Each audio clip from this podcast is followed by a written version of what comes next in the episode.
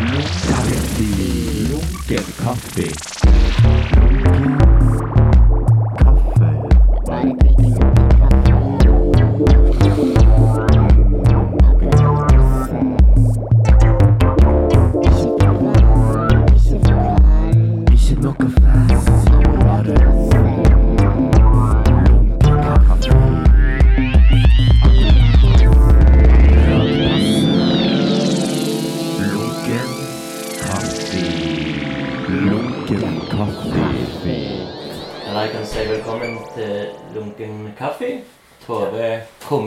Tusen hjertelig takk. Og hvor befinner vi oss i dag?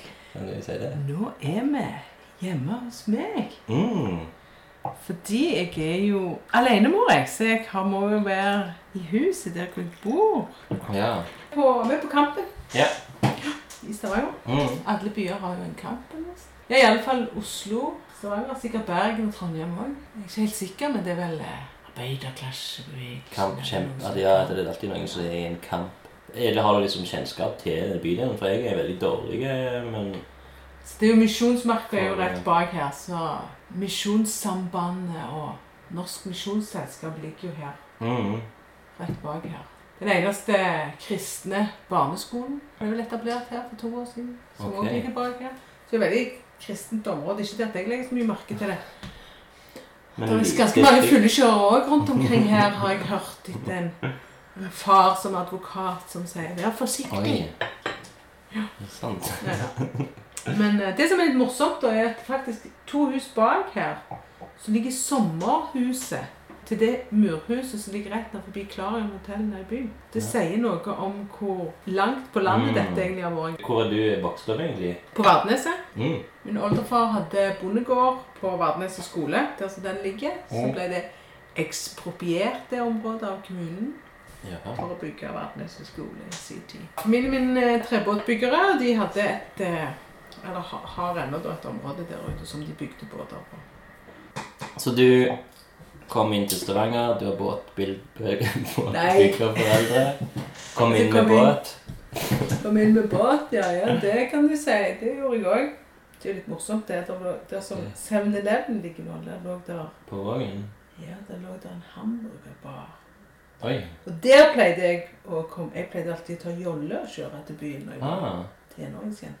for å gå på hamburger der. For å gå på hamburgeren der med miléjakken og henge ut liksom, og prøve å være kul da vi røykte der og sånn. Og Mm. da hadde jeg med meg bensintanken under bordet. Det var jo ikke like kult at da ble jeg kasta ut. Altså tok han med inn i Du kunne jo ikke la bensintanken stå i oh, båten. ja. Hadde du ikke lyst til Og så trodde du at det skulle brukes til å drikke. Nei. Eller vaktene trodde det. Nei, men det var jo farlig. Du kunne ikke ha bensintank inne. Men det var jo den gangen man røykte inne. Så folk Ja, røykte. selvfølgelig. Jeg har vært det man kaller en versting òg, jeg. Ok. Hva legger du i ordet versting? Den verste Jeg av var- gjengen? Jeg var, jeg var pøbel. Herja mye og frekk. Ja, det kan jeg litt tro på. Ja, du kan det, ja. ja. Men det er jo litt sånn direkte, som jeg sikkert snakket om. Ja, ja. Så, så jeg eh, tok utdannelse som frisør jeg først. Ok.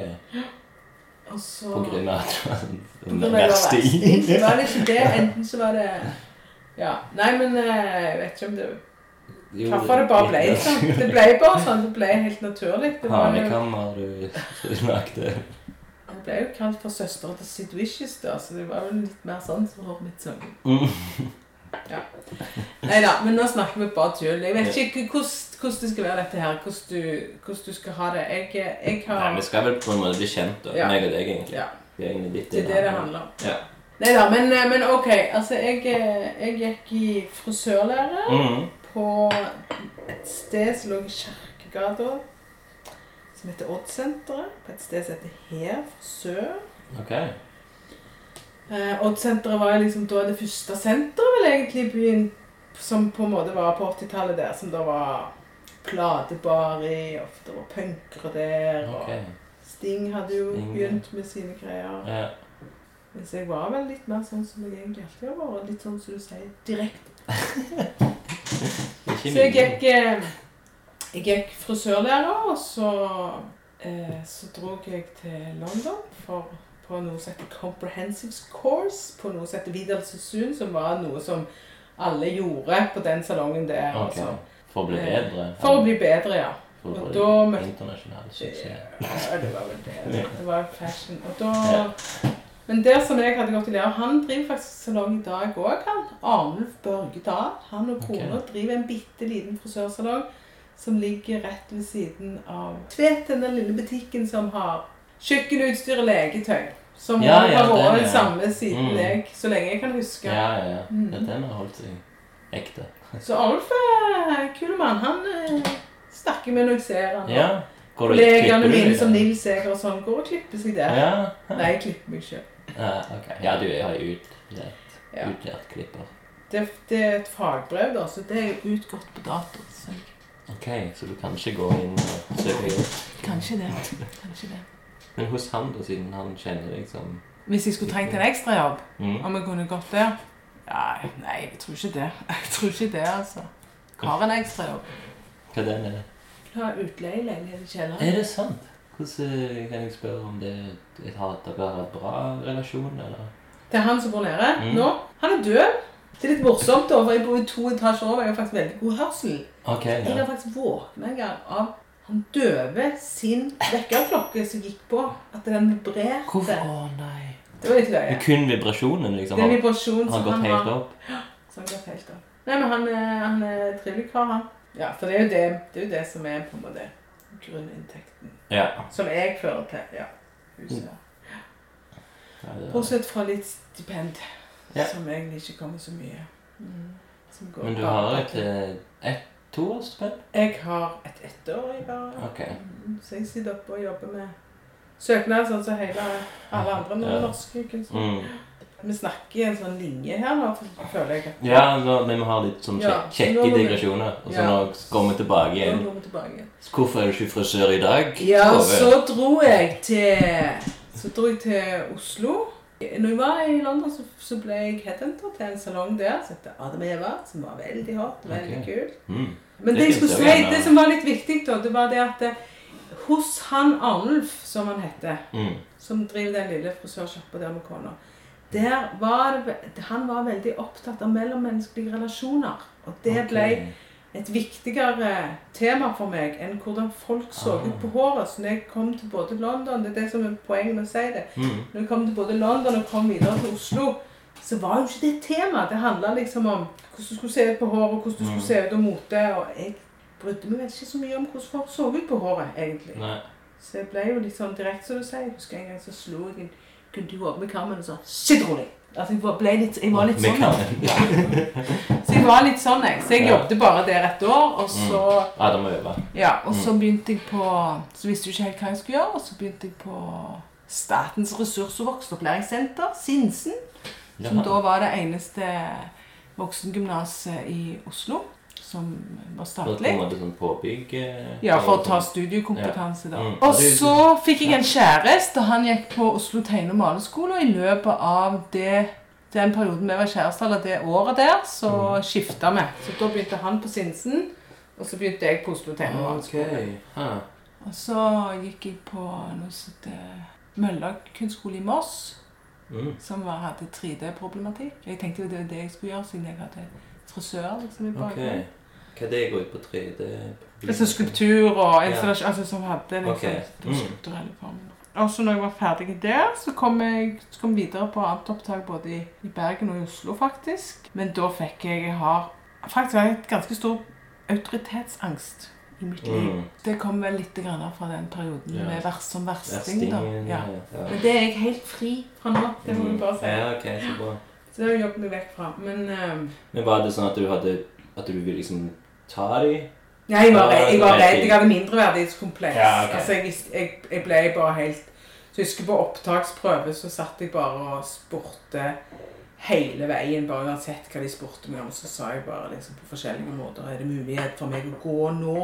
Mm. Kan jeg gå nå?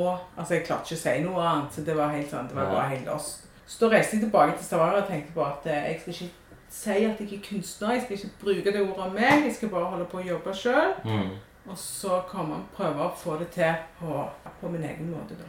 Så da tok jeg kontakt faktisk med en del fra miljøet kunstnere i byen her, og ble møtt faktisk med ganske mye avvisning. Ok. Arroganse og avvisning. Mm. Det må jeg kunne si. Det Hvordan var altså. miljøet da? Var det liksom det Nei, men det var, det var, det var ikke så mange da, men det var, jeg skal ikke var ikke skolert nok. Ja, ja, det var ikke, det var ikke akademisk meg. nok. Nei, nei. Mm. Men Hugo Vatne, han tok imot meg. Ja. Så der fikk hos han fikk jeg både låne utstyr, og han lærte meg hvordan jeg skulle støype. Lage både gipskapper og jobbe med silikon og alltid en åpen dør. Så det er begravelsen hans jeg har vært i i dag. Ja. Så det var jo veldig det ja. Så det var jo veldig fint. Og så etter hvert så var jo Måletriks et Mm. kunstnerdrevet Ja. sted som var i som Linda og var med på. Gry Isabel Sandnes og Cecilia Det her leste Fossan. jeg faktisk neste, nettopp om. Oh, ja. ja. Det, det, det, hvem var det som sa dette til meg? Det var, kan det være Trond Hugo, kanskje? Jo, jo, jo. Han òg stilte der. Ja, jo, for han, det var den første plassen han stilte. Ja, hva viste du da? Husker du hva du stilte inn? Ja, jeg skal bare si at da begynte jeg Da Kan begynte skåle? Vi skåle med kaffe i en lunke. da. Skål. Sorry, jeg Jeg begynte på X-Fil på, på Distriktshøgskolen, som dette da. Mm. Begynte å ta på skole og bli psykolog. hadde jeg også. Ok, ja, ja. Men jeg skulle jobbe med kunst, da. Men altså, jeg har alltid vært veldig interessert i dette her med det mellommenneskelige. Ja. Mm. Så var det jo de damene da som var coole og drev det visningsstedet, så fikk jeg mulighet til å jobbe fram en utstilling der. Og da, Mm. Hvor var det de holdt til? De holdt til eh, rett over Bøker Børst. Å ja. Så da lagde jeg et verk som het eh, Illusjon. heter Det, det var fem tøydokker i originalstørrelse som henger fra taket med, med hodet liksom, liksom sånn avskåret her med. Så halsen det kommer opp i, det går ikke bare opp i halsen, men det går til og med hagen. Er festet i taket da, så ja. slik at det hodet, hodet er liksom i et rom forbi, og så hadde jeg gjennombrodert kroppene med eh, merkevare-logoer. Å ja, cool. Da jobbet jeg på psykiatrisk som ekstravakt. Ja. Husker du hva avdeling? Det er flere. Alle. A3, Jeg jobbet på A3. Gjorde du? Ja. Hva tid da? Nei, men det var i 2015. Nei, 2010, mener jeg. Å ja, ja, ja. Mm. Og skal jeg gå over til C2 i slutten. Siste Mm. vakt jeg hadde, var vel i 2000 Så jeg har jobbet der med veldig mange år, altså. Mm. Før jeg begynte på Food Story. Skulle, jeg løy sånn på, på, på intervjuene. Jeg skulle jobbe på Story. Jeg jobbet der et, li- en liten periode. Hva var det du løy om da? Jeg sa at jeg gleder meg. Jeg gleder meg sånn til å begynne å jobbe og lage mat og drive med service. Og Mm. to dager etterpå så ga jeg spurt om å få permisjon, for jeg skulle jo ha en utstilling på H. Okay. Kan jeg få tre måneders permisjon? Kanskje Jeg har ikke tid til å jobbe. Mm. Nei, men det var litt morsomt, da, for da broderte jeg jo disse logoene på nattevakter. Og da trodde pasientene at de trodde at jeg jobbet for klesindustrien, og det var jeg som lagde merkene. Ah, du var Ikke selve de, det er det, det, det er ikke bra å si det. De, dem.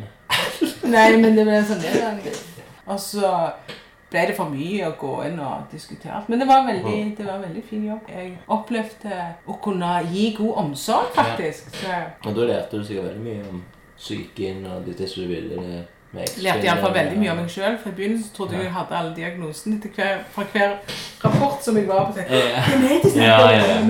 Det da? Ja. Det er helt likt med meg. Jeg jobbet der bare i to måneder og bare oh, ja. ut med angst, liksom. Ja, men det var veldig løye. En gang jeg husker, en gang så var jeg var på nattevakt, og det hadde vært helt forferdelig, fordi den avdelingen som jeg jobbet på, det var A3. Mm. Det ble en sånn veldig kjip situasjon med en beltesenglegging. Ja. Av ei dame som ble nekta å ta en røyk fem over tolv. Og det var røykestopp på klokken ah, tolv, liksom. Ja, ja. Og det ble så For meg så ble det helt det ble så, For meg ble det et overgrep. altså Det har holdt på helt til femtida på morgenen, så ble jeg beltesenglegging. Altså, det var så fælt. Og da husker jeg jeg gikk ut fra avdelingen med sånn Ja. leamus liksom på Mm. begge øyne sånn. Nå, Men dette er på dag. Nei, dette er på Ja, sant.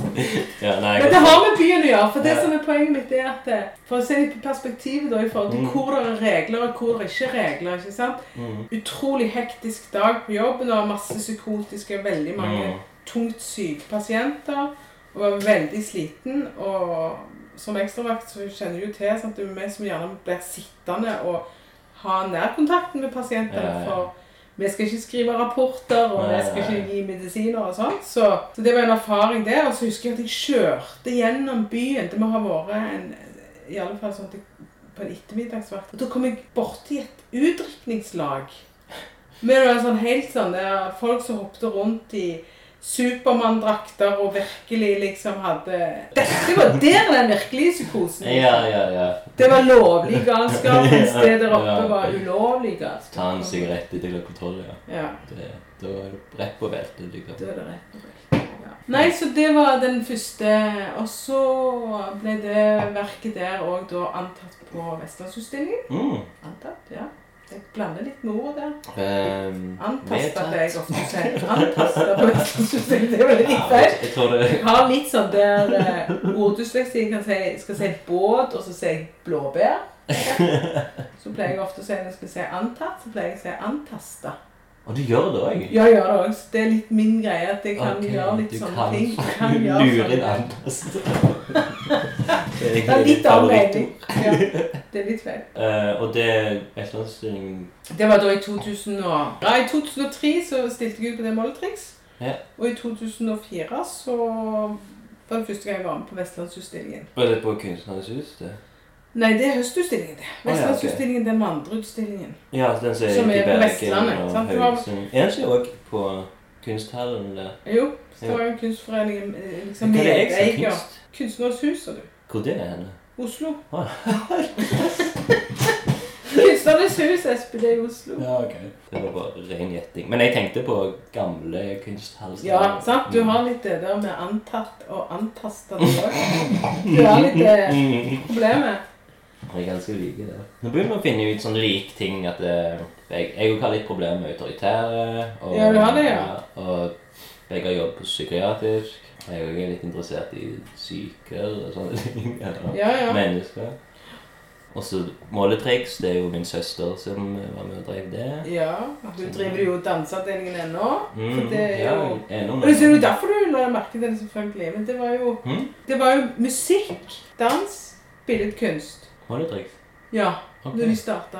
Og det var Ja. jo først, et av de første eh, kunstnerdrevne Ja. stedene her som Studiosuiten, vet du. Mm. sant? Så det var jo Men du var med, også med og drev en uh, kunstnerdrevne Drev som kunstner. Ja, 21 kvadrat. 21 kvadrat. Det har jeg lagt, lagt merke til. Folk kjenner historiene her litt dårlig. Det må vi bli flinkere til. Ja, det er derfor lunken kaffe fins. Å ja, det er derfor. Det er bra. det er bra. Men eh, 21 kvadrat, det Ja. var Merete Dille og Trond Halvorsen som hadde den lille snopebua der oppe i Nordmannsgata Ok. Så du har hørt Som atelier sitt. Ok. Eh, en som heter Tord var gjerne òg med de. Han kjenner jeg ikke, men han var reklamemann. Ja, uansett. Det var, Mm. det var Trond og Dille. Tord Pau- Tord Paulsen, ja. Ja. ja. Mm. Tror han òg var med. Og så var det de to som hadde, de tre som hadde det som atelier. Ja. Og så kommer jo Kenneth Varpe og Ingeborg Kvarme tilbake fra utlandet. Altså de har vært ute og studert. Og Hilde Mathilde Hegerland Mm. slutter jo da på Hun går på akademi i, i Stockholm. nei, Nei, Malmö. Så hun slutter der, og så flytter hjem igjen. Og så i alle fall så er det de som startet det opp. da. De hadde, jeg ble kjent med Kenneth Ingeborg og, og Hilde. For meg og Hilde var på opptaksprøve i, i Oslo sammen. Okay. på Kunstakademiet. Så sånn ble jeg kjent med Ja. henne. Men i alle fall, de, det er de som starter 21 kvadrat. Hilde og Merete. Og Trond hadde jo allerede trukket seg, for han ganske tidlig trakk han seg Mm. ut. Tord. Ja, Tord trakk seg ut veldig. Han var ikke med, han var, Tord var ikke med engang og drev Ok. 21 kvadrat, men. Trond Halvorsen var med. Ja, ok. Men han trakk seg òg ut. Mm. Og da var det Ingeborg og Kenneth igjen, og da gikk jeg inn. Ja. Da var det, jeg tror vi drev i to år eller et eller annet sånt. Jeg var med da. Mm. Så jeg var med på var- den første utstillingen. 2000 og kan det være 11? 12? 10? Nei, nei, nei, det var 2000 og, 2009. Ja, ok. Ja. Jeg kan få barn, ja. Også da. Mm. Oi. Jeg har jo nevnt 21 kvadrat før. Ja. Da var det helt andre folk. Eller ikke helt, men liksom jeg visste jo Imegård Kvarme og Kent Verpe. Men ikke Dille og Nei, de her andre folka. Nå skal jeg tilbake til Ja. rykter. Ja. Og det er litt kjekt. At vi kan avkrefte rykter. Eh, og det var at dere stengte det ned pga. det var så fuktig. Og at det var masse bilder som ble ødelagt. Hvis du hang opp tegninger, så ble det liksom bulkete. Og det gikk ikke å fikse, så det måtte bare stenges ned. Nei. Altså, det stenges ned fordi Ingeborg har ikke lyst til å holde på med det lenger. Ok. Altså, Ingeborg treffer Harald, og blir det et nytt liv for henne. Og Kenneth hadde jo da fått seg kjæreste i København, så han hadde flytta til København. Mm. Og jeg hadde fått en baby Mm. alene. Okay. Men det er klart det at eh, papiret krølte seg, og det, det, var, det stemmer jo det. Ja. Så det var jo fuktskader der, der for Mm. evigheten. Ja. Og så vet jeg det var mange som var på og ville ha lokalet. Blant annet så vet jeg det var en gjeng fra kunstskolen som ville overta. Martin Reed ville overta det. ja. Men vi hadde Kenneth de hadde jo Altså Dille de hadde jo på en måte en kontrakt med hun som eide Eller den snopesjappa tilhører jo da huset ved siden av. Og Så det har vært en snokesjappe før? Det var en snopesjappa. Jeg Og trodde det var en metafor. Å ja, nei, det var det. det, var det. Ja. Så hun, kona som eide det, hun eh, i, I den perioden så var hun blitt uh, dement. Syk, faktisk. Okay. Så det var vergen hennes som ikke ville at det skulle fortsette en kontrakt. Så vi, vi fikk lov til å ha det så lenge vi på en måte var der. Altså, eller så lenge kontrakten lå. sant? Mm. var, men de ville ikke ha noen nye, nye kontrakter og nye folk. og noe. Klart Ok. ta 600 kroner måneden. Oi. sant? Så det var jo Super. Men var det sånn støtteordninger, sånn, sånn kulturråd og sånt, at dere fikk litt penger til å betale kunstnerne, eller materiale, eller vin? Vi betalte alt sjøl. Betalte alt sjøl, Ja, okay, ja. Det var gjerne noen ting, men jeg husker ikke det der så godt. Dette her var jo òg akkurat i den tida der hvor vi òg var veldig aktive med, med BKFR og Postscriptum Postskriptum og som Vi tok jo inn Trond Hugo sitt prosjekt hva da etterpå Mm. på Kunstsenteret. Mm. Og det hadde vært en stor konflikt mellom tidligere daglig leder og medlemmene som gjorde at eh, det ble bestemt at eh, BKFR og NK, altså kunsthåndverkerne, bare skulle Mm. få styre hele utstillingsprogrammet. Okay. Og få alle midlene og alt. Det var i 2007, så da tok vi inn prosjektet til Trond Hugo Ja. da i, i, etterpå. Mm. Vi som satt i den styringsgruppa der. Mm. Mm. Vi hadde mange ting med det. Vi hadde vi inviterte Hu- Trond Hugo hadde jo en som heter Phil Wood, som kom til byen for å ta pulsen på Stavanger. En sånn, okay. en sånn byutvikler Jaha. Som liksom som ser på så, En sånn type som ser på sånn Bilbao-effekter og sånn type ting. sant? Mm. Eh, og Da organiserte vi en middag inne på 21 kvadrat med han og Hege Tapio fra IO Lab. Mm. Og det var jeg som drev med ja, så masse forskjellige folk der. Ja. Så jo gjorde relasjonell estetikk òg. Ok. Ja. Så, og det er litt spennende, da, for hvis du snakker med Kenneth eller Ingeborg, så vil jo de fortelle eller utfylle disse tingene. Vi hadde Ja. mye, mye spennende. på. Jeg var der jo ikke så lenge. Mm. Men det var veldig gøy, og det var veldig praktisk. Jeg hadde jo bil som jeg heia på, og vi var jo veldig, klar, vi var veldig nære med Kenneth Ingeborg. Ja. Er det ennå? På Skruasenteret er veldig varmt, er det ikke det? Mm. Det verste jeg vet, er varmepumper. Det er det jævligste jeg vet. Eh, vi kan jo gå inn på eh, det faste innslaget lunkent bekjentskap, Mm. som er hvordan kjenner vi hverandre? Hei sann! Hvem er du? En ny venn! Vær hilset, min nye venn. Hvordan kjenner vi to hverandre? Så trivelig med nye bekjentskaper. Gøy. Noen bekjentskap. Egentlig, altså, jeg har jo visst hvem du har vært, da, sant? Og sikkert Hva tid omvendt det? òg. Nei, men fordi du Fordi du har vært med på Studio 17. Men jeg tror jeg, jeg skal ha sett deg før det òg. Men så ble du kjæreste med Anna, da. Ja, Kanskje de kobler oss sammen? Men så hadde vi jo en veldig kjekk kveld da på åpningsdagen. Det var jo eh, Ja, på din på 2017. Ja. Du hadde, mm. hva var det du kalte utstillingen? Det jeg husker ikke. Hus under radaren. heter det. Oh. Jeg har en fiks idé om å komme på undersiden av kulturen. Noe som jeg krangler Ah. ganske mye med forskjellige folk om. For det lar seg egentlig ikke gjøre. Men jeg tror jeg har funnet en utvei nå. Nei da. Men, eh, Nå har jo jeg siden 2015 prøvd å infiltrere kunstmiljøet i Stavanger. ja, ja, ja. ja. Det er jo liksom min gimmick. da. ja.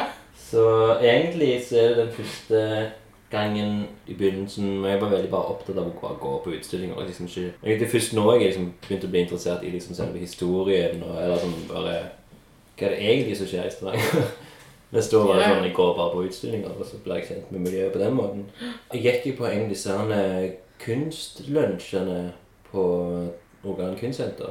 Ja, du var Var der. jeg det? Ja, Ja. ok. Når er dette, da? Jeg har veldig dårlig Ja, nei, det kan være i kanskje tidlig 2016, midten Nei, jeg er litt usikker, men jeg, jeg, Ja. jeg bare gjorde det for det var sånn Nå, har jeg det, var, det er ofte på dagen. Ja, ja, ja. Jeg hadde ikke en jobb. Nei, nei. Du hadde iallfall mulighet til å være der. Jeg hadde vært mulig å gjøre det, og jeg merket jo at jeg hadde jo ingenting der å gjøre. Åh? For det var, nei, det var noen fra Bergen eh, som skulle introdusere Geir skulle introdusere noen sånne Visp.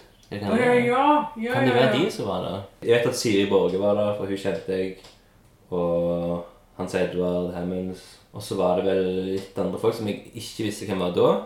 Men så var du der. Og Det var Arrogant å avvise det. Nei. Det var ikke det. Jeg husker ikke helt hva du sa, men det var mye snakk om at det sånn Aftenbladet de hadde vist ikke var nok opptatt av liksom, å promotere utstillinger og åpninger og sånn som det. Det var sånn, sånn, litt sånn typiske ting som sikkert snakkes om.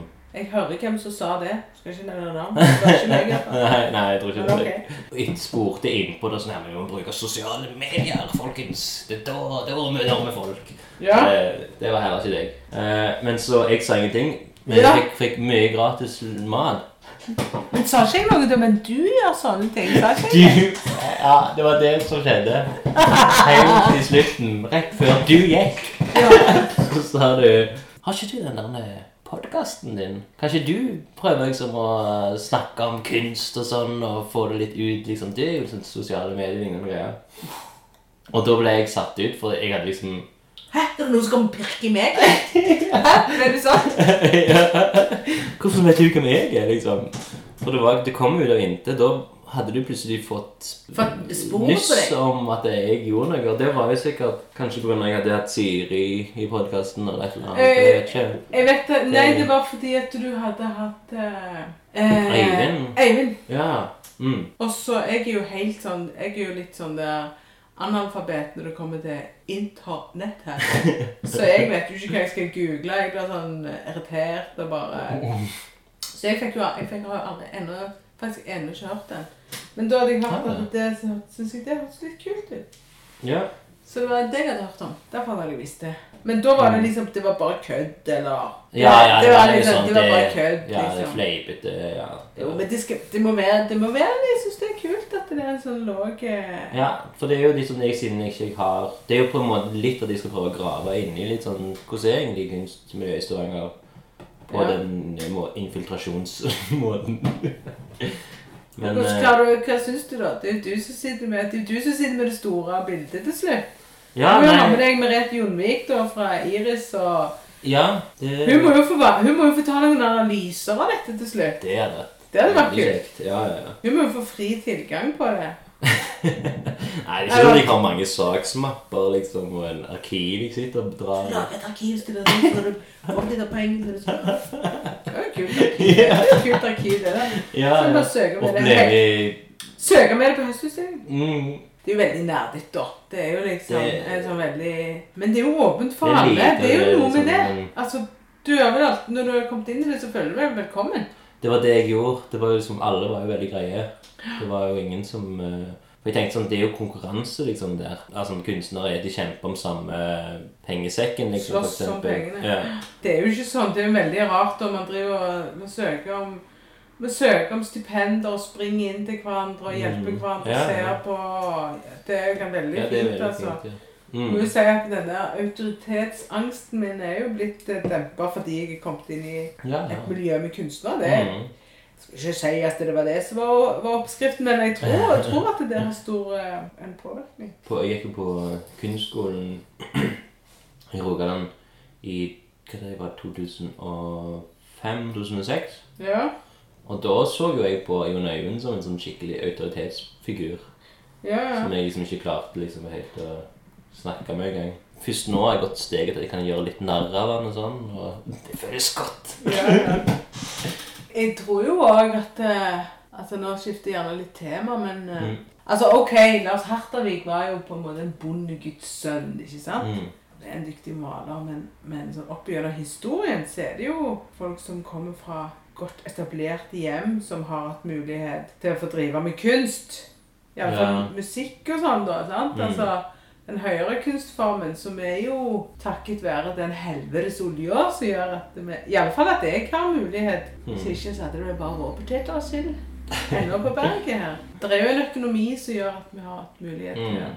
Nei, det er et bra land å bo i. Det er et bra land å bo i. Mm, som kunstner.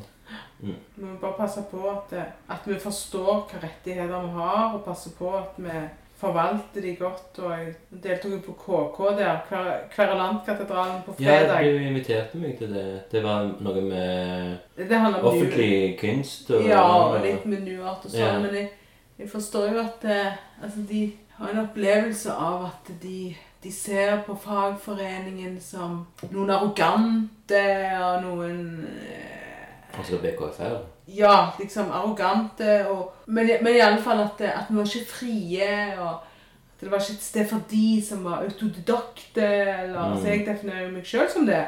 Ja. Og det er liksom noe med det at men de må jo Altså Nuart må jo komme inn i foreningen, de òg, og bli en del av det felles miljøet. Det er jo sånn vi blir sterke. Vi blir jo ikke sterke av å stå og slåss mot hverandre. Og det er så, mis, det er så misforstått. Det er det samme som skjedde med denne Barbara Hepworth-saken òg. Mm. Politikerne klarte på en måte å stikke av fra eh, situasjonen ved at et knøttlite miljø snur seg mot hverandre og slåss, liksom. Mm. Hvor på den ene sida står og påberoper seg å ha bedre innsikt av hva det sublime kunstverk egentlig har av betydning for ånden, og det, det blir, det blir okay. liksom så stort. Jeg, jeg, jeg, vet om at det her med den Hepburn Hepworth, Barbara Hepburn. Hepburn Figure of landscape, ja, ja. som er som en statue som sto utenfor kunsthallen. Mm. Som ble solgt for å bygge kunsthallen bedre. For de som fikk pengene til å liksom gjøre det via Jeg vet ikke.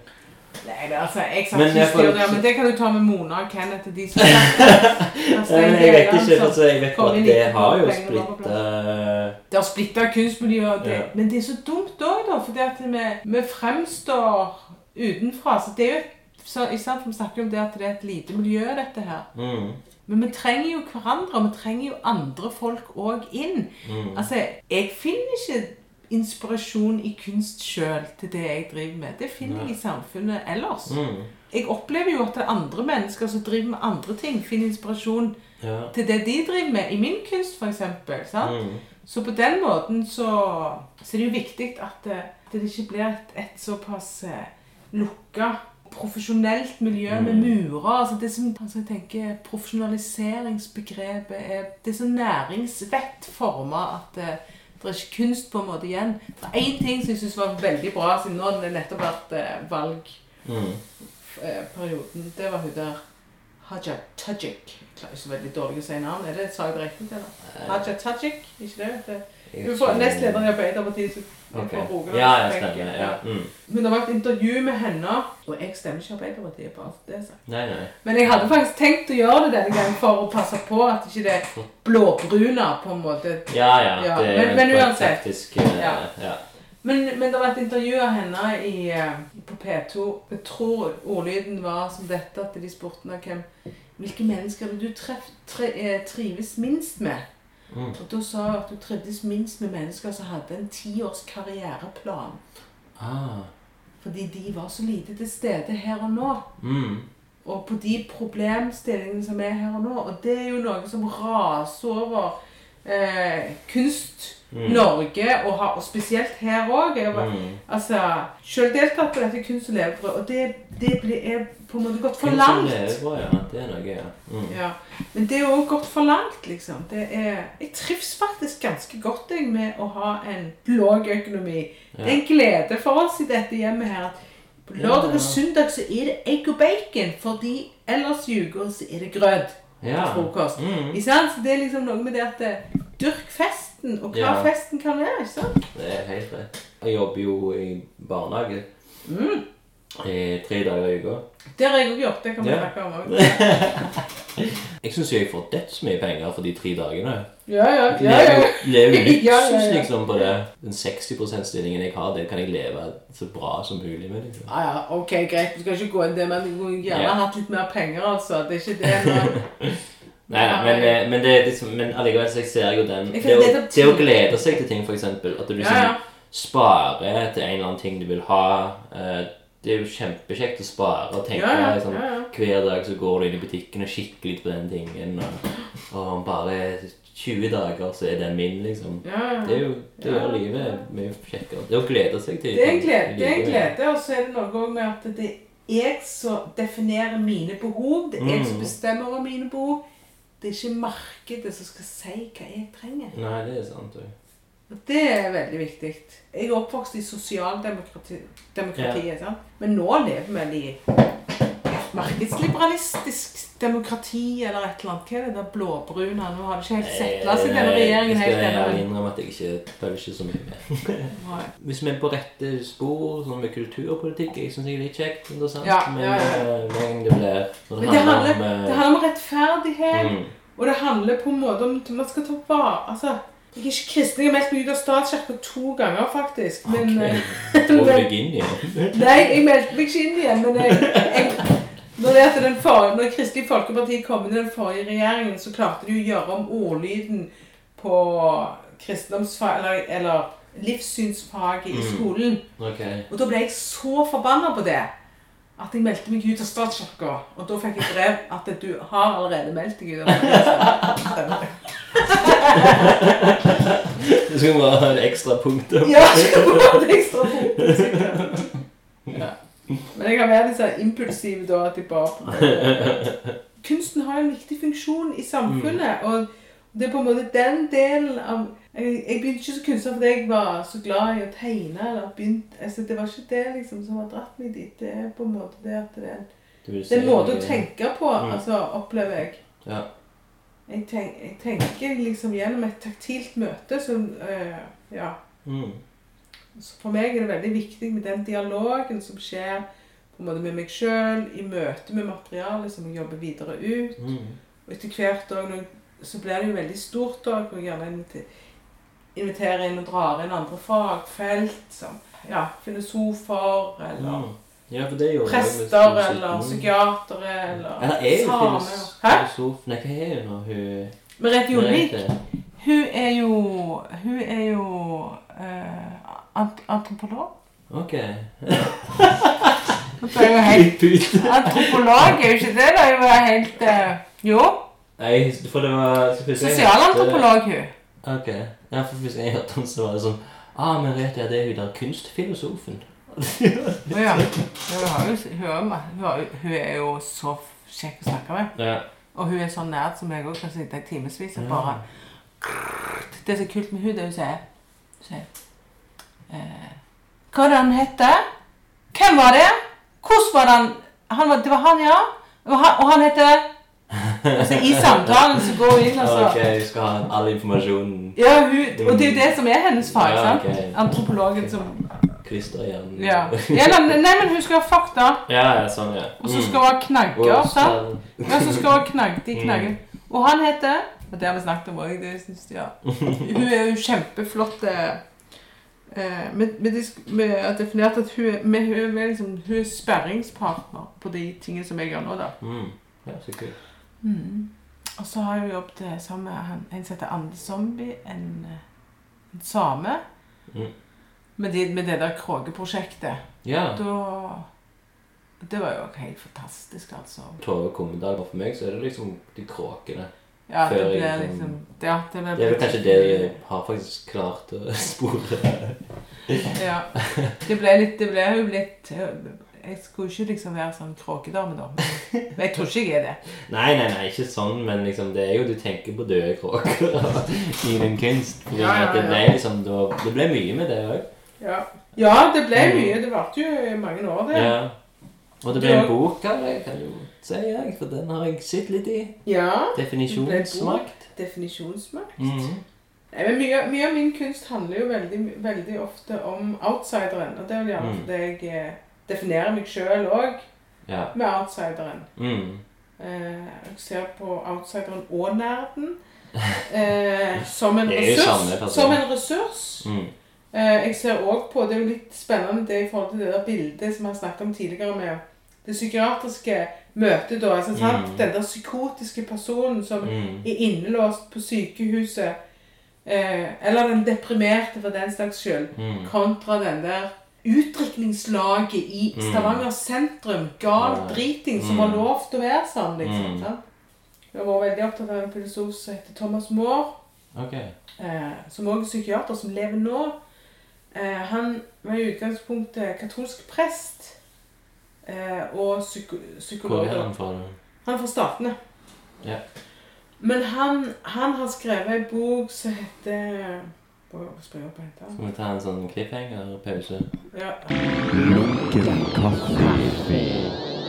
Og nå har vi fått funnet ut av liksom ja, hva hva boka heter. boka heter. Ja. Den heter Rom for sjelen. Men det Mm. som han snakker om der, der snakker han om i middelalderen, hvis man, var, hvis man ble deprimert, mm. så ble man sett på som man var, eh, ble oppsøkt av Saturn, og man ble satt litt til sides i samfunnet. Okay. Fordi at hvis man var da deprimert og var blitt eh, hjemsøkt av Saturn, så hadde man mulighet til å dykke lengre ned i seg sjøl og lengre ned enn de andre i samfunnet. Og på den måten så kunne man gjerne komme dypere ned og hente opp noe som ville være en ressurs for de andre i samfunnet. Mm. Og det var liksom det som var den deprimertes eh, Det er min mor som ringer. Ja, du får ta telefonen til din mor. Skal vi høre hva hun har å si? Ja. Eh, Ikke håper ikke du er deprimert, heller til å oppsøke Saturn. Hei, mamma. Hei. Du, eh, jeg lurte bare på på søndag. når måtte var videre. Så jeg kunne handle. Om eh, middag? Ja. Eh, ja, det tror jeg går fint. Flott. Vi firer sider begge to. Ja. Takk. Ok. Det var bare det. Har du har du noe for? Ja, jeg er på besøk hos ei som heter Tove Kommedal. Kunstner. Du er i et opptak. Mamma. Du er med på Lunken kaffe. Oh, ja. Hei, hei. Hei, hei. Hva middag skal du lage til sønnen din, da? Oi, oi, oi. Oi, oi, oi. Erterstuing og full pakke, eller? Ja takk, sier vi begge to. Tove kommer. Åpent hus for alle kunstnere. Ok, ja. Supert. Det er flotte greier. Da ses vi da. Takk. Ha det godt. Ha det. Hun var ikke eh, oppsøkt av Saturn, iallfall. Nei, jeg er ikke. Hun var i, i gledens Ja, ja. I gledens giveri. Hun vil lage gjestgiveri for sønnen og hennes Hans kjæreste, kanskje. Mhm, besøk. mhm. Nei, men, eh, men på lik linje så tenker jeg òg at eh, det er litt sånn fint, da. Fordi at kunsten har den, har jo den funksjonen i samfunnet òg. Mm. Da er vi litt inne på det med den boka mi. Ja. Eh, I forhold til den siste teksten som ble skrevet der, som er av Ingrid Straume. Det begynner på slutten. Ja, vi begynner på slutten. Det skulle vi gjerne ikke gjort. Spoiler. Spoiler. Ja. Nei, men det var et veldig fint møte med henne. Um, Hvem er dette? Ingrid Strømme? Ingrid Straume er, hun jobber ved Universitetet i Oslo og har skrevet en ph.d. på en som heter Cornelius Costeradis, som da er en filosof og også psykiater. Så det, det heller liksom mot psykiatrien. Mye av det Mm, ja. som, som jeg er interessert i. Det handler jo om mennesket. Ja. Lunken kaffe.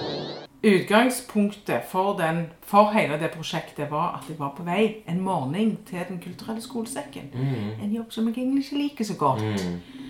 Eh, og i bilen på vei Og dette står i introen. Det står òg i introen, men Mm. det er sånn det var. Og Mm. da, men da, på radioen da, så, hør, så, så fortell, snakker de om at det har blitt skuddpremie på, Kå- på Kråker på Jæren. Mhm. Og så legger jeg bare merke til det, og så kommer vi inn i skolerommet, klasserommet. Vi begynner opplegget vårt og sånn og sånn, og så er det min tur til å stå og snakke for forsamlingen, og av og til så kan jo jeg få litt noia av det, og litt Mm, angst. Og ok. den gamle angsten eh, tredde fram, og jeg ble litt sånn der åh, kan ikke du overta litt sånn, Ja, og ok, litt sånn rolig? Mhm. Og så Og så sa jeg sånn som jeg pleier. Et lite øyeblikk. Jeg må bare gå ut på gangen her litt. Mm. Og så gikk jeg ut på gangen, og så ringte jeg til Hå kommune, og de der kragene der må jeg kanskje få, få tak. Og tenkte på Herregud, det er ikke dette jeg skal gjøre. Jeg skal jo ikke være formidler, jeg. Jeg skal, være, jeg skal jobbe med virkelighetens verden. Og produsere denne kunsten og de ideene som er der. Og da fikk jeg tilgang på de krogene jeg spurte om jeg kunne få de. Da var utgangspunktet at jeg ville på en måte gi materialet en, eh, en oppreisning på en eller annen måte. Mm. Eh, jeg har jobbet med fugler før, fordi jeg lagde en utstilling på Hå gamle prestegard som heter Intravenøs fortøyning. Mhm. Hvor jeg eh, skulle ha eh, fuglevinger fordi jeg skulle lage noen amoriner, altså disse små englene som sitter i skyen. Okay, skyen ja. med og Ja, ja. Mm. Og den gangen så ble det helt, en sånn fantastisk opplevelse, fordi at det, Du husker gjerne det i 2005 eller 2006, så var det uh, fugleinfluensa som herja. Mm. Ja, ja.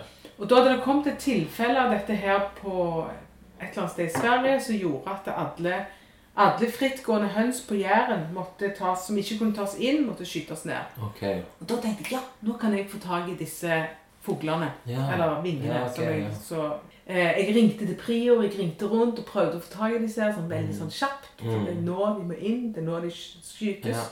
Og så fikk jeg ringte til Prior, og så spurte de om de hadde noe. De hadde ingenting. Og så gikk det et par minutter, så ringte de meg tilbake og sa Vet du hva, det er en som jobber hos oss, og dette er sånne historier som jeg elsker. Yeah. Vet du hva, det er en som jobber hos oss. Mm. Han har haner som er frittgående, og de har han nettopp skutt. Hvis du, du kan få lov til å snakke med han, kanskje du kan få av han, så Mm. nummeret hans, et eller annet sånt. Så ringte jeg til han, så sa han, ja, det er greit, du kan få det, jeg har det i bilen her. Jeg har egentlig avtale med Norsk Protein, som da er et sånt depot ute på Jæren for dyr, gårdsdyr, som, blir, som dør på en eller annen måte. De skal liksom da deporteres, eller hva det heter. Altså, de skal ende opp der. Men i alle fall så fikk jeg avtale med han. Hvis du møter meg der og der, så, så skal du få disse hanene. Da hadde han 16 ha kamphaner, eller hva det var, eller haner, Mm. som jeg kunne få. Så, så møtte jeg han da bens, eller på en parkeringsplass, og fikk liksom to svarte båssekker med døde haner. Her har du de. Oh. Og så sier han òg at du bare tar det du skal ha, og du kan få lov til å levere dem på Norsk Protein. Og det var så spennende, da. Det var jo så dramatisk. Jeg visste jo ikke helt om det var fugleinfluensa i dette eller noen Nei, nei, ting. nei. sant? Så jeg hadde liksom på sånn hvite Fått far min sånne hvite plastikk engangs eh, kjeledresser Ja, ja, ja. som vi hadde på oss Mm. bak i bilen. Med hansker, liksom. Og satt inn i Hyundaien bak der. Mm. Og så var det enda verre da. Det var liksom på,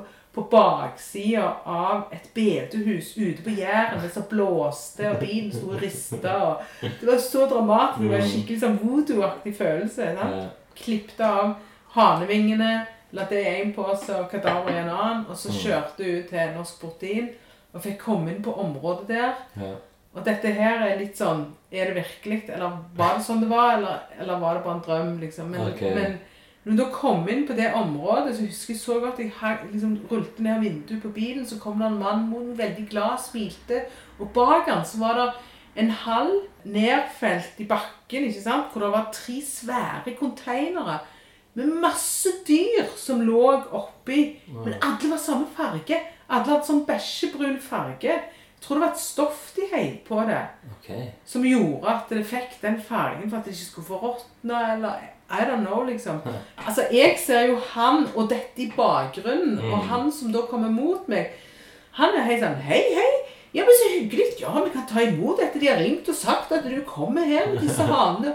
Har dere lyst på kaffe, liksom? Jeg bare sånn eh, Nei, liksom. Jeg, sånn, jeg har nettopp kommet hjem fra Thailand. Vært i Thailand. Og det var sånn What? Liksom, altså, det bare var hele den opplevelsen var helt surrealistisk. Og begynte å fortelle hva han hadde opplevd i Thailand og greier. Bare, altså, så bare måte, sant? Og dette gjorde så sterkt inntrykk at Mm. når utstillingen da var ferdig, hadde åpna, så var det en enorm historie der Mm. som ikke var en del av eh, utstillingen. Og det var faktisk òg en sånn ny måte for meg å jobbe med kunst på òg. Fordi at eh, eh, Materialet ble Ja, materialet fikk en Mm. større betydning, Mm. men òg det som materialet leder deg til. Mm. Og Det var det jeg ville med de kråkene. At Ja. materialet skulle lede meg, og ikke jeg skulle prøve å presse de inn til å bli noen amoriner, eller presse de inn til en eller annen, eh, en eller annen historie, eller ja, Mm. inn i en eller annen form. Jeg får de, og jeg får plassert de, jeg får avtale med takstamisten på Stavanger eh, naturhistorisk museum, okay. som jeg da hadde jobbet med tidligere. Med vingene? Med vingene, ja. Så jeg fikk lov til så, å legge dem i fryseren der. Det, er et volum, sant. Okay. Og så bare parkerte jeg de der, liksom. Sant? Og jeg Mm. var med på andre prosjekter. Det er ofte sånn prosjekter flyr litt over Ja, ja, ja. hverandre. Mm. Og Den gangen så jobbet vi med, var jeg med i et prosjekt eh, med eh, hvor vi tok utgangspunkt i Haugtuss av Garborg. Og jeg eh, tenkte i begynnelsen at jeg skulle bruke dette kråkematerialet i forbindelse med Haugtussa, som òg var fra Jæren, som også Mm. var liksom material som Jæren den gangen ville støte fra seg Mm. fordi hun var som hun var. Mm. Kråker vil man støte fra seg fordi kråker Ja, er som kråker er, osv. Men etter hvert så ble det potensialet i det prosjektet ble så stort at vi kunne ikke bruke det inn i det der gruppeprosjektet. Så, mm. så da tok jeg det ut derfra. En av innfallsvinklene var jo at, at jeg kunne bruke det i forbindelse med Haugtussa. Så, den, så det der at det, at det var en sånn outsider, skyldes jo litt Haugtussa òg. Okay, ja. Altså, det ligger liksom der og- og lusker, ja. Mm. Tidligere så hadde jeg jo jobbet takstamistisk med disse vingene, så det var Mm. naturlig for meg òg å gjøre det med kråkene. Og da vil jeg jo se på fra jegerens perspektiv, liksom. Mm. Hvordan, hva er det som er interessant? Har det sånn, kan det brukes som trofeisk objekt, liksom? Mm. Når du sitter da og åpner en fugl sånn som det, når du ikke er taksonomist. Og nå, dette kan jeg snakke i tusen år om, egentlig, fordi at nå når jeg da sitter der og jobber, så sitter jeg jo med Torfinn Opedal, som er taksonomist på Stavanger Mm, okay. naturhistorisk museum, Mm. som er kjempedyktig. Ja. Han har vunnet masse priser. Det er en skatt. Og de er jo veldig like oss når du spretter Innvendig? Nei, ja, Men de har jo de samme organ. De har hjerter, de har lunger. Mm. Altså, det, det er jo Jeg fikk en slags empati. Mm. Eh, og jeg fikk en slags sorgfølelse, og jeg fikk òg en sånn, sånn splitta følelse at har jeg lov til å gjøre dette her? Det er jo et individ som har levd her. Mm. Og da, det, det akselererte den der sorgfølelsen og, Mm. og sånn.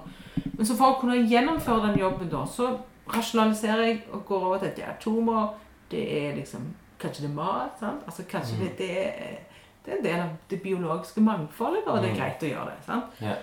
Og så syns jeg det ble spennende med de to kontrastene, da. For emosjonelt så klarte jeg ikke på en måte å kjenne på den empatien og sorgen overfor det levde livet når jeg rasjonaliserte ved å tenke på at dette er atomer, det er blodår Altså, Ja, det er den. Mm. Og så var det det jeg ble interessert Mm. i å prøve å jakte på. Og da måtte jeg jo sette hele den fysiske handlingen, og aktiviteten, til sides. Mm. Og så oppstår det ene eh, filmverket på bakgrunn av det, da. Okay. Hvor jeg på en måte opplevde det òg. Og de drev jo gnura rundt på dette og jobbet med dette og tenkte på dette og diskuterte dette. og Mm. hvordan går det an liksom å få disse to polære kontrastene Mm. til å møtes? Er det mulighet å klare å møtes med dette? her? For- Og lage kunst. Ja, eller det var ikke poeng for meg Nei, lage okay. kunst. Jeg visste ikke at det skulle bli film, jeg visste ingenting. Nei, okay, Men jeg ble ja. veldig interessert i å prøve å så, å så, å forstå liksom Hvorfor klarer jeg ikke å ha de følelsene samtidig som jeg klarer intellektuelt å tenke at det er bare material? Hvorfor er ikke sorgen der da? Mm. Det ble interessant for meg å jakte på det Mm. møtepunktet der. Mm. Og det er det òg som er måten jeg jobber på, eller måten jeg tror jeg jobber på, at det er liksom Det der å gå på den der, den der edgen, liksom. Mm. Altså Å prøve å finne en slags eh, Er det vanlig for deg nå, eksempel, eller da, at du, liksom, finner materiale, og så Ja. bygger du på det, og så ser du liksom hvor det tar deg Ja, det liksom, det. videre til en eventuell utstilling, eller ja. Det begynner veldig sjelden med et konsept, selv om, Ok. selv Mm. om det ender veldig Selv om konseptet en, og historien rundt det Mm. blir en viktig del av til slutt, og derfor Mm. tar lang tid. Så tok jeg opp tråden igjen med takstermi, takstermien. Mm. Nettopp fordi at den gangen da trengte jeg bare det fysiske materialet med disse, krå, disse fuglevingene den gangen. sant? Yeah. Mens nå skapte jeg et helt prosjekt bare med Mm. utgangspunkt i materialet. Yeah. Men jeg kjente jo materialet fra før, Mm. så der òg går det en tråd. Men i mitt kunstnerskap så er det vel kanskje eh, Altså, jeg er jo jente, sant. Og så hjemme når, når broren min og meg og far Men Jeg ble liksom jeg, jeg måtte bare holde. Jeg fikk aldri bruke en sag, f.eks. Okay, det var det broren min som skulle gjøre. sant? Mm. Så jeg har liksom alltid bare blitt den der som har blitt skjøvet litt til siden. Nei, du kan stå her og holde. sant? Så jeg Mm. måtte jo bare gjøre de tingene. Jeg lekte liksom med skruer og spigrer og bygde Altså, det, jeg har alltid Mm. hatt en sånn Men nå sporer jeg sikkert litt av, altså. Men, det eh, men det er liksom det taktile møtet som er katalysatoren på mange måter Mm. for det som, som på en måte bygger seg opp. Og så driver jeg vel med en form for personifisering, da, som man sier i litteraturen, hvor jeg tilegner materiale empati, eller altså Mm. eh, Og så går jeg inn i en slags dialog der, Ja. hvor historiene skapes. Og så er det jo veldig viktig for meg at det har jeg forstått. Det er bare noe som det er blitt til men, eh, av seg sjøl, egentlig. Men at det leder opp mot en slags eh, samfunnskritikk på en eller annen måte. Ja, sånn, ja. Og at jeg assosierer de med materialet, da. Med Mm. aktuelle temaer, kanskje som Det er ikke noe som bare konstrueres, men som blir en virkelighet. Men du, du stilte det ut første gang på Første gang på Hågan Hågan Prestegård. ja. Eller første gang jeg viste en, Altså, jeg viste jo litt av det på prosjektet om Nordmanns i forbindelse med det Haugtusa-prosjektet. Å, ja. Da viste jeg bare sånne f- Altså, det, var jo, det er jo et prosjekt som er fire kunstnere som er på. Susanne Christensen, Kenneth Wow. Harpe og Sissel Steen Christensen, datter av Susanne. da. Oi. Og da viste jeg deler av det, eller bare liksom sånn, noen sånn forstudier, Mm. på en måte. Husker du årstallet på dette? da? Ja, det var vel i 712, kanskje. Men jeg, men jeg stilte arbeidet ut i sin helhet på Hå gamle prestegard i 2015. Ok, ja. Ja. Mm. Mens jeg i 2012 så lagde jeg Første gang jeg jobbet med Gastronomisk institutt og serverte kråkekjøtt på åpningen av Ja, stemmer det. Mm. Og det hadde jeg tenkt å gjøre på Prosjekt Rom Nordmanns, men vi hadde jo ikke penger, og Gastronomisk skulle ha 8500 for å lage maten. Okay. Og jeg syntes ikke det var riktig at jeg skulle drive og lage den maten sjøl. Noe av målet med Kråkeprosjektet var jo på en måte å, å gi materialet en oppreisning. Altså jeg mener, Ute på Vistehåler så er det jo kråkerester, fordi de òg brukte det som mat. Ok. Ja. Og, altså, det er mat. Mm. Det er, Og det er godt? Det Det smaker er veldig godt. Det smaker, så, det smaker faktisk som hjort. Er det blitt definert mye? Ja. Men etter at jeg var i Lofoten, så må jeg si det smaker som hval. Det er, mye, mye kraftigere eh, viltsmak enn hva jeg har. Men det er jo klart at det ble jo liksom tilberedt av noen av eh, Norges beste kokker. Det var jo veldig det var jo veldig forseggjort. Og- der kom litt sånn nerdegreiene inn. da Jeg synes jo altså fordi bare sånn, dette kan, jo, dette kan jo aldri bli liksom et produkt for markedet. Og jeg bare sånn Jeg kan ikke! Kan du selge det på Ytse? Hvorfor ikke det? Det er jo fredag. Du kan ikke skyte Nei. kråker. Nei, jo da, jaktsesong. 15. Okay. august til 15. mars, tror jeg. Eller er 15. det. Ja, for du kan skyte Så lenge de ikke har små har eh, egg Ah, og holder ok. Altså, jeg har jo god kontakt med jegere på Jæren, og jeg har Mm. en fast jeger som skyter hvis jeg trenger. Okay. Lunken kaffe. Men eh, egentlig så lurer jeg litt på hvordan det ble en bok, da. Hvorfor det ble en bok? Mm. Hvorfor og hvordan? Og var det noen som kontakta deg? Var det du som følte ok, nå det her er så viktig at jeg må lage en bok om det? Det er jo det der med alle de historiene Mm. som kommer i kjølvannet, og få fortalt det i tillegg til selve de verkene som jeg lagde. Mm. Jeg hadde jo da undersøkt materialet som trofesk objekt. Mm. Så det er jo også det at det er mye myter rundt kråker. At det var at det er en ufugl. Det... Blant annet så ute på Rennesøy så var det en eller annen eh, snakket med arkeologisk museum. Og der skal det visstnok være en sånn, en sånn branngrav fra hva det har vært jernalder. Jeg husker ikke helt. Men, men en sånn tid hvor, hvor det da har, har ligget en kråkefugl visstnok oppå en sånn brann, branngrav. Der man legger fuglen oppå den døde kroppen. Okay. Så setter man fyr på, og så, så skal fuglen ta deg med på den andre sida. Ah, ta med sjelen. Ja. Og da ble det interessant for meg å undersøke det som om, om klokkene hadde noe, noe magisk. Så jeg tar fuglen med meg og drar til Lofoten. Og jeg hadde lest at det, at det skulle være et slags senter for magi og, og sånne type ting. Mm. Og så tenkte jeg òg at Sør-Vestlandet det, her, her er vi såpass utvaska gjennom kristendommen, og det er jo et Mm. religiøst belte at det kanskje det er ikke så mye spor her på det. Så derfor så valgte jeg å dra opp der, ta med meg skjeletter, knokler, Mm. og skulle undersøke det da, se om de hadde healende kraft osv. Og, og hele det prosjektet det ble veldig, veldig rart, fordi at eh, samtidig som dette skjer, så begynner bombingen nede i Israel, mellom palestinerne og Israel. Mm. Uh, og da ble det helt meningsløst å drive rundt oppe i Lofoten med knokler Og prøve å se sammen med forskjellige ikke-vitenskapelige teorier, da, for å si det sånn, Mm. uh, om det var noen magiske krefter i dette her. Mm. Um, En ny telefonrunde. det er Anna. Ja. Nå du komme hjem. Hei, Anna. Nå må du komme hjem! Du er i Lunken kaffe med Tove du. Hva mener du, skal du være lenge ute? Nei, Jeg er hjemme en time.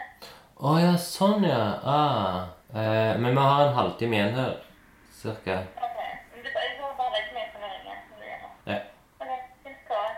Snakkes! Ha det. Men i alle fall der oppe da, så treffer jeg eh, på blant flere eh, andre zombie, som da er same. Mm. Eh, og som har et helt annet forhold altså, gjennom den samiske kulturen på livet og hvordan helheten henger sammen. Ja. Og han hadde jo da en kråkejoik, som da var veldig fin å få høre. Mhm. Eh, han hadde òg en morbror, som han kaller det, altså en Mm, onkel, onkel. Som hadde et forhold til ei kråke og, osv. Og jeg treffer, òg der oppe så treffer jeg forskjellige folk som har eh, opplevelser med kråker, Mm. og som har eh, Hvor de annet mener de kommer med varsler om død, og så så. Mm, Så Ande ble jo en del av, av eh, boka. Han skriver Ja. en tekst i boka. mm. Og han, jeg inviterer han ned òg til Stavanger, hvor han gjør en kråkejoik på Stavanger kunstmuseum. Å, ja. På en kuppelkupp. Mm. Fordi at kråkene flyr jo inn og over eh, natter. Det er en, av overnattingsplassene til kråkene rundt Mosvannet. Yeah. Samtidig så vi da driver òg og graver den nye Ryfast, eller altså denne nye veibanen som Mm, mm. man graver ned, har tatt litt av det området. Så yeah. ideen med å invitere han til å gjøre denne kråkejoiken ved museet er jo òg som en slags unnskyldning til kråker for at vi, har, vi som mennesker graver opp og ødelegger det området som Mm. de bruker, og de trærne som ble tatt vekk. Ja, sånn. I det krateret som ligger igjen, på en måte. Det var i 2015. Ja. Noe av grunnen til at det blir bok, er jo òg når jeg da er i Lofoten, så leter jeg etter en tekst som jeg en gang leste om det imaginære. Mm. Og så begynner jeg å google det fordi jeg leter etter den teksten. Og da kom jeg over teksten til Ingrid Straume Mm. om Cornelius Costerades, som, Som har snakket da, tidligere. ja, Mm. som da skriver om eh, det Og dette var slutten av boka. ja. Det er slutten av boka. Mm. Det, er klart, det- det ble jo interessant når jeg da lager hele boka, at det, det er på en måte materialet som leder meg. da, sant? Jeg, Mm. Den døde kråka og, og kråker det er klart Når jeg da jobber med, med kråker på museet der oppe, Mm. som er død, så begynner jeg da å undre meg litt over hvem er dette levde livet? Da får jeg kontakt med Øyvind Gjerde, Mm. som da er Hva heter? Han fuglemann? Hva Ja. det det heter? Dette Fugleperson. fugleperson.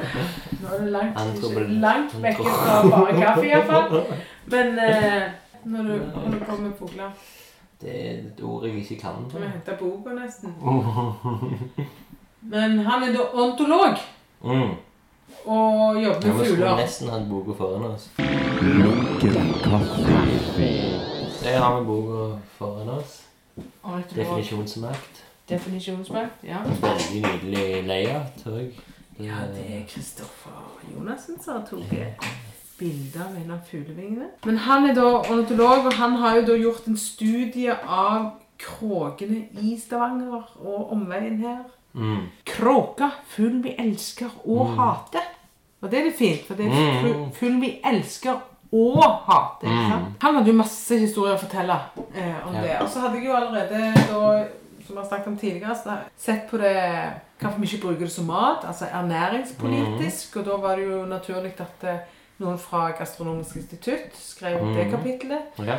Helge Bergslien jobbet med forskning der oppe, og næringspolitikk og sånne type ting. Og det var ikke interessant å servere kråkemat uten å vite at det var greit at vi spiste det. sant? For det er Mm. noe av det Nei, du kan ikke spise kråker. Det er en åtselsfugl, og det er for mye bakterier i det, og videre. Mm. Og det er jo ikke sant. Så da testa jeg alt fra, på Eurofins, ikke sant? Som all kjøtt som havner i butikken i Norge, blir testa der. Okay. Testa det for bakterieinnhold og testa det for næringsinnhold.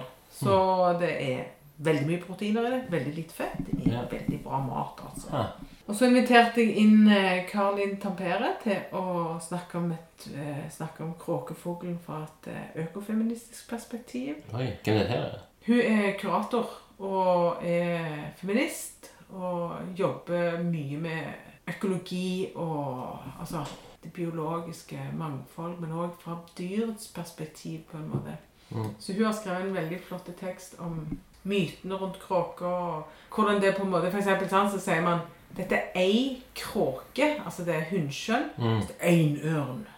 Ah, ok. Ikke sant? Og hvis du ble Gråfuglen. eller Ja, sant? Det er liksom fuglen kråke. Ja, og hvis du, hvis du i middelalderen ble brent for å heks eller noe, så var det ei kråke i nærheten. Mm. Det var liksom, Du lunkte. ja, blunkt eller et eller annet. Og så har jo Andi da skrevet en, en tekst som handler om antinatur.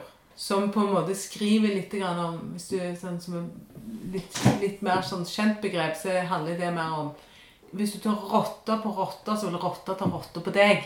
Mm. Du klarer ikke å lure ei rotte. Du klarer vel faktisk ikke å lure ei kråke heller. Det er kanskje derfor de ikke lar seg drive oppdrett på det kjøttet, sånn som de kan gjøre med kyllingen. på en måte. Men tilbake til det med Ingrid Strømme. fra det filosofiske perspektivet, så har hun skrevet en tekst som heter 'Kunsten og samfunnets drømmer', som handler på en måte om det imaginære. Altså eh, det, det er jeg veldig stolt over, fordi det var en eh, bestillingstekst som egentlig alle her er, men den ble veldig spesifisert. Mm.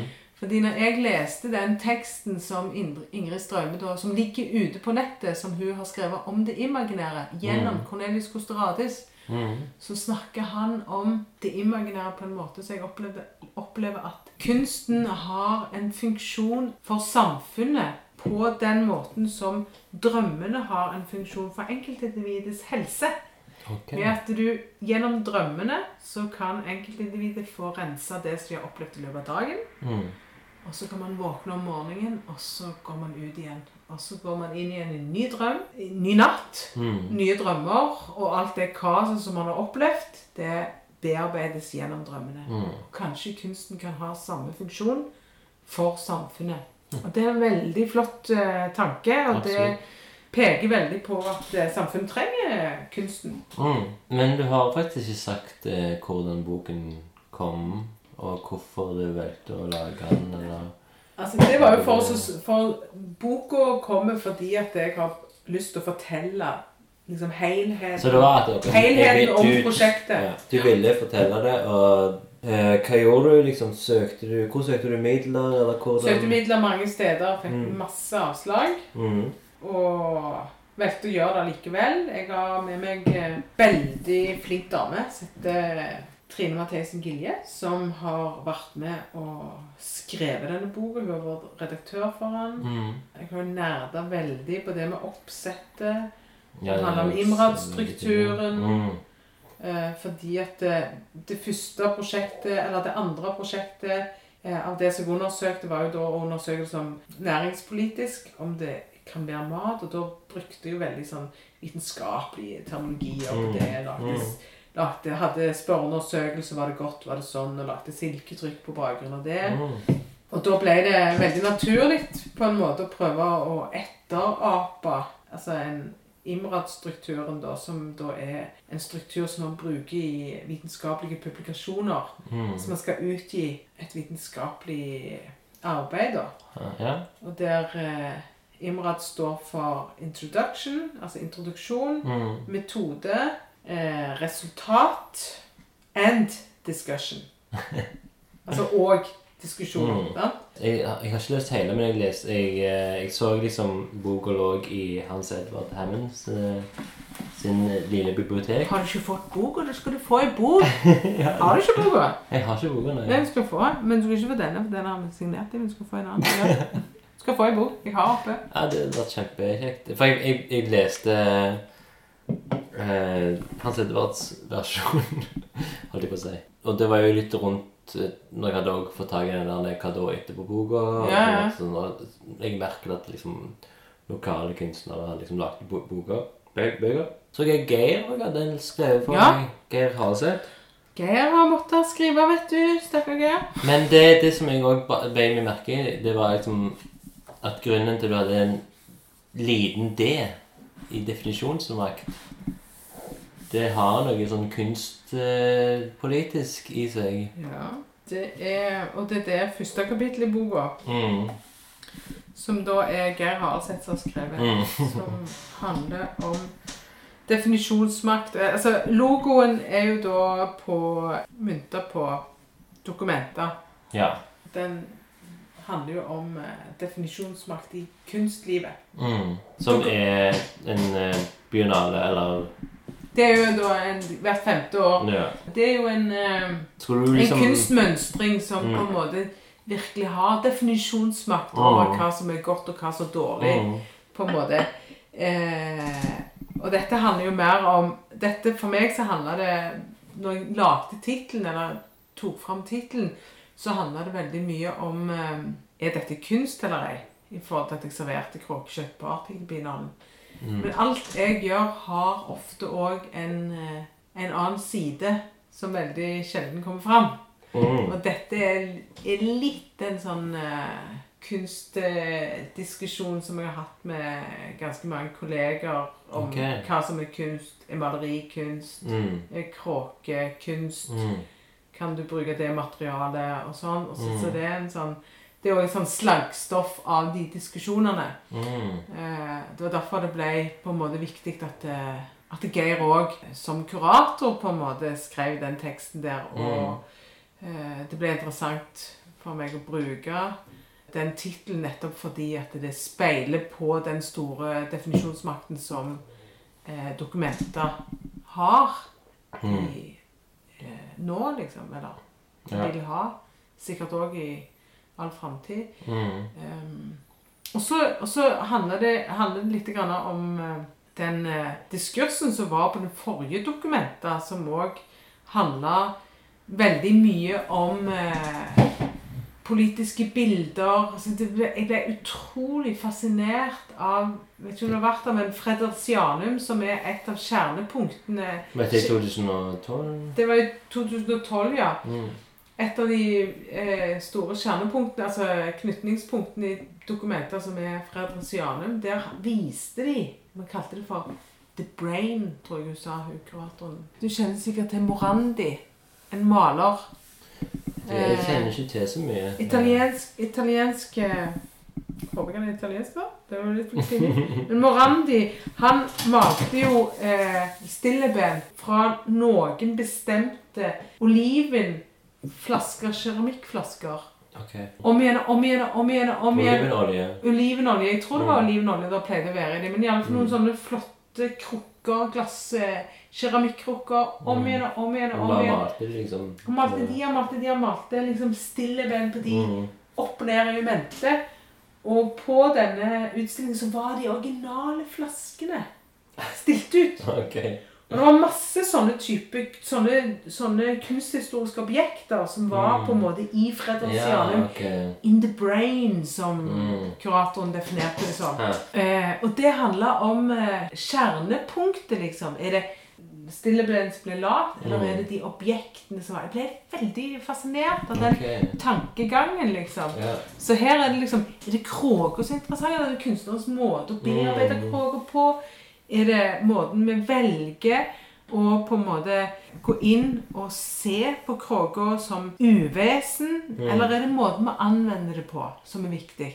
Mm. Hvordan er det vi definerer dette her? Mm. Og kråka er på en måte som mange av de jegerne som jeg har snakket med, de, de skyter jo kråker bare for gøy, nesten. Mm. De, de gjør det for å ha en blink. Hobby. For å øve Mm. seg på å skyte en, et større dyr. sant? Mm. Eh, og da ble liksom definisjonsmakt, altså det der med ordet, betydningen av, artikkelen i seg sjøl, ble enormt viktige. Mm. Og så tangerte det bare veldig bra med å ta den, eh, ta den logo, logoen og den helheten på en måte inn i det. Yeah. Og så ble det jo, og så, så liker jeg jo det der at det, jeg, jeg kan ikke redegjøre for det sånn skriftlig, liksom. Men Geir kan det. Mm. Sant? Altså, altså Geir kan det. Alt, altså, Han kan ord. han kan det, sant? Og, han, eh, og, og den måten å jobbe på er syns jeg er utrolig givende. altså Det er liksom noe med det Ingrid Straume kan redegjøre for Cornelius Costorates tenkning. Jeg kan ikke le jeg gidder ikke å lese. Jeg skal ikke drive og lese meg opp på hans filosofi. Hun har en ph.d. på hans Mm. tenkning. Og jeg har fått veldig positive tilbake. Hun har fått masse positive tilbakemeldinger på nettopp den teksten eh, som hun har skrevet. Nettopp, nettopp Sikkert òg fordi at den er blitt bestilt fra et annet ståsted Mm. enn akademia. Og vi kan ikke lese oss fram til det. Og hvis vi skal lese oss fram til det, så kan ikke jeg gå inn og lese meg opp på alt det stoffet. Og Da er det viktig å ha samarbeidspartnere som kan det. Og så kan man knytte det på en måte sammen. Nydelig. Nå må vi på en måte liksom avslutte, Mm. men uh, du, har, du gjør jo mye greier, liksom. Og hos, hva er liksom motivasjonen. Kan vi spørre det? Om liksom Jeg har et Jesus-kompleks. jo, vet du hva? Jeg har mange ganger, eh, spesielt pga. økonomi og òg masse sånn mm, nerver og deadlines og sånne ting, eh, tenkt at jeg skulle gi opp. mm, Eh, men det er tanker som kommer på kvelden, og så om morgenen så har jeg glemt det ut. mm. Det er liksom det som skjer, altså. Ja. Jeg, jeg glemmer ut. De gangene gang jeg har tenkt å gi opp, så har jeg glemt det ut. Og så er det òg en måte å være i verden på, altså. Ja. Men blir du liksom Blir du inspirert av kunst, andre kunstnere, eksempel, eller av eh, folk eh, nå? vet ikke. Jeg syns det, det er sykt relevant, det du gjør, da. For å si det sånn. da. Jeg tror at kunsten er den formen som kan speile samtida eh, Mm. på en måte som gjerne ikke andre ting kan gjøre. Altså, eller andre akademiske former kan gjøre på samme Mm. måte. Eller eh, idrettsaktiviteter eller Mm. selviske prosjekter som handler om å bli best på det ene eller det andre. ikke sant? Um, altså, det, det er banalt å si det, altså, men jeg, jeg, jeg opplever at det, det er relevant, det som Mm. de problemstillingene som jeg tar opp, og òg det møtet jeg har med materialet, eh, gjør at jeg kan, kan ta det så langt ut at det får en relevans òg Mm. for, for på en måte samtida. Mm. Jeg har ikke vært inne på det, men jeg var òg med på grunnlovsjubileet eh, i, som Stavanger kunstmuseum hadde i 2014.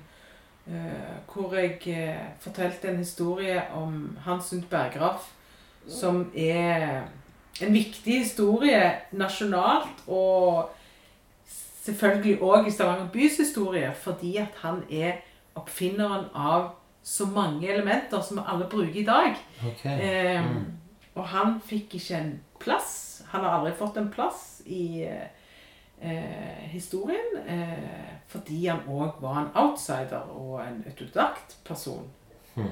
Det ga meg et veldig kick å på en måte jobbe med det, med hans historie. og presse den historien om han og oppfinnelsen av ekkoloddet inn i Stavanger bys Mm. historie inn i Stavanger, inn i Stavanger Maritims historie og gi plass, på en måte rom for han. Og det prosjektet er jo òg blitt eh, skrevet om i kunsthistorien Mm. etterpå. Og som, som et sånn eh, museumsintervensjonsprosjekt som det var. Eh, der kunstnere ble invitert inn i museumsverden og i Stavanger bys historie på mange måter. Altså i, til å Mm. se på samlingen deres. Og jeg fikk mulighet til å fortelle en historie som okay. ikke ble inkludert, på en måte. Det var veldig sterkt for meg, så det er et av høydepunktene i, i mitt kunstnerskap. Okay. Nettopp fordi at det var så Det gir en sånn tydelighet på hva kunsten kan brukes til i samfunnet. Nettopp fordi at eh, historiefortellerne, de som har definisjonsmakten, Mm. De sitter på sitt, og så kan kunsten, som på en måte da er fri, sant, komme Mm. inn og intervengere, altså inn, og skape en liten uro og fortelle noe annet på, på sin måte, da. Mm. Men hva tenker du liksom om det liksom å inspirere folk, da? Har du fått eh, folk som kom bort til deg at det du gjør, inspirerer meg, eksempel? Ja, ja, ja. Mm. Masse. Mm. Men òg vanlige folk, liksom. Ikke bare nødvendigvis kunstnere, men, Mm. men jeg syns jo Tilbake igjen til det der med, med det der Hansund Berggrav, da, så, hadde jeg, skulle, så spurte noen av familiemedlemmene hans om jeg kunne ha en omvisning med de i Stavanger Maritime Museum når, når det verket var utstilt. Mm. Ja, ja, sa jeg. Det er klart det. Og de kom, og så, og så kom det jo så mange folk, og så ble jeg jo helt overfalt på mange måter av det. Okay, ja. Og òg over deres glede Mm. av at deres oldefar, bestefar Ikke sant? Altså at en person fra, fra deres familie på en måte var blitt lufta sånn opp. Og det var jeg ikke, det var jeg ikke klar til å ta. Jeg begynte å grine, liksom. sant? Altså, det ble helt sånn, det ble helt sånn eh, Klart det var inspirerende. Og jeg har hatt eh, kunstskole, jeg har jobbet på kunstskolen, Mm. hatt elever der, og jeg har hatt eh, assistenter derfra. Jeg syns det er kjempeinspirerende. Men jeg, er- jeg er liksom en person som er liksom mer sånn eh, Egentlig én-til-én-samtaler, Mm. liksom. Og da handler det om liv og alt. Så er det er ikke noen Ja. rammer eller hierarkier eller Mm. eller noe sånt. Og hvis, hvis hierarkiene blir veldig tydelige, så blir jeg veldig satt ut av det. Mm. Eh, og sikkert òg fordi at eh, jeg, jeg opplever oss som likemenn og Mm. eh, med assist Men. assistent Eller kvinner. Og med de assistentene som jeg har hatt opp gjennom Mm, året. ja. Liksom, sant? Altså, nå skal vi gjøre dette, og så skal du gjøre sånn, og så skal vi gjøre det, og så, Mm. så står vi begge to og vasker Mm. eh, karene etter at vi har støpt noe, eksempel. Det er liksom, dette er noe vi gjør sammen, Mm. hvis det er det. Altså, jeg, eh, jeg vet ikke hva jeg skal si, si til det. Klart jeg blir, jeg blir inspirert av Hansi, jeg blir inspirert av deg, jeg blir inspirert av Anna, Mm. kollegene mine, og Mm. det er liksom en, et, et evig arbeid Jo, ja. som vi holder på med, og vi diskuterer, og Mm. det er bra, det er det syns jeg er bra fordi det er sånn, eller Altså, det er liksom en sunn eh, kommunikasjon. Ja. Så jeg klarer ikke også å skape noe sånn Men sånn helt til slutt nå Ja. Kan vi Du har stilt ut Moletrix. Ja. Stilt ut òg på 21 kvadrat før du ble med sjøl. Ja, det var en sånn felles eh, eh, Jeg stilte aldri noe solo der. Det var en sånn fellesutstilling der Mm. alle kunstnere i Stavanger fikk være med med et eh, arbeid som var 21 kvadratcentimeter. For at det skulle passe. Det var litt kult, da. Det var liksom åpningsutstillingen deres, egentlig. Og så har du vært på Kunsthallen. Ja, Det før var du på- var Så Før på Vår gamle prestegard. Ja. ja, jeg stilte ut på Eh, 15 Prosjekt Rom Normans. Kunstmuseet. Ja, på Kunstmuseet gjennom, Mhm. eh, gjennom eh, det Stavanger Maritim-prosjektet. Det var jo Kunstmuseet Ja, og Kuppelkub. og Kuppelkub to ganger. Ja. Jeg stilte ut på Charlottenborg i, på forårsutstillingen i København. ja nå, nå går vi litt Men nå, nå Å ja, du for- kjører til Det er Stavanger. Eh, oh, ja, ja. Stue 17. Kunstsenteret må du vel lage? Ja, Kunstsenteret hadde vi en utstilling med Ghana Ros. Etter 2008, masse relasjonelle prosjekter innenfor Så har jeg egentlig stilt på hvert galleri som mm. er i Stavanger. Mm. Det, det er ganske kult. Som lokal kunstner så er det jo der du stiller ut. Da, i det. Nei, men jeg skulle ønske at det, jeg, eh, det er jo vanskelig Det er jo vanskelig å komme ut, da. Mm. Men du har jo stilt ut i Det Du er jo internasjonal Ja, jeg stilte ut i det, det var Noe av det kjekkeste var å bli tatt inn i den eh, i Taiwan på en sånn videokunstfestival der. Det var jo veldig Det var ingen som kjente noen ting til meg whatsoever. Liksom. Så det var jo Altså, du, man kan jo lese ganske mye ut av relasjoner i CV-er. Hvis hvis man begynner å undersøke de der tingene der, så er det linker og tråder i de fleste okay. kunstnerskaper. Altså. Det er det. Men det må vi nesten ta til en annen gang, for nå er Det må vi nesten ta til en har vi gått tom for tid. Men jeg eh, Stavanger er en jævlig bra by å være kunstner i. Ja. Og Det skal bli bare bedre. koser du deg i, og Ja da. Og det skal bare bli en bedre by Ja. å være i. Mm. Det var vel det beste. Det, Det, var vel greit. og med de altså. ordene Så kan man slutte. Ok, tusen takk, Tove Kommedal, for God kaffe. Kaffe, kaffe,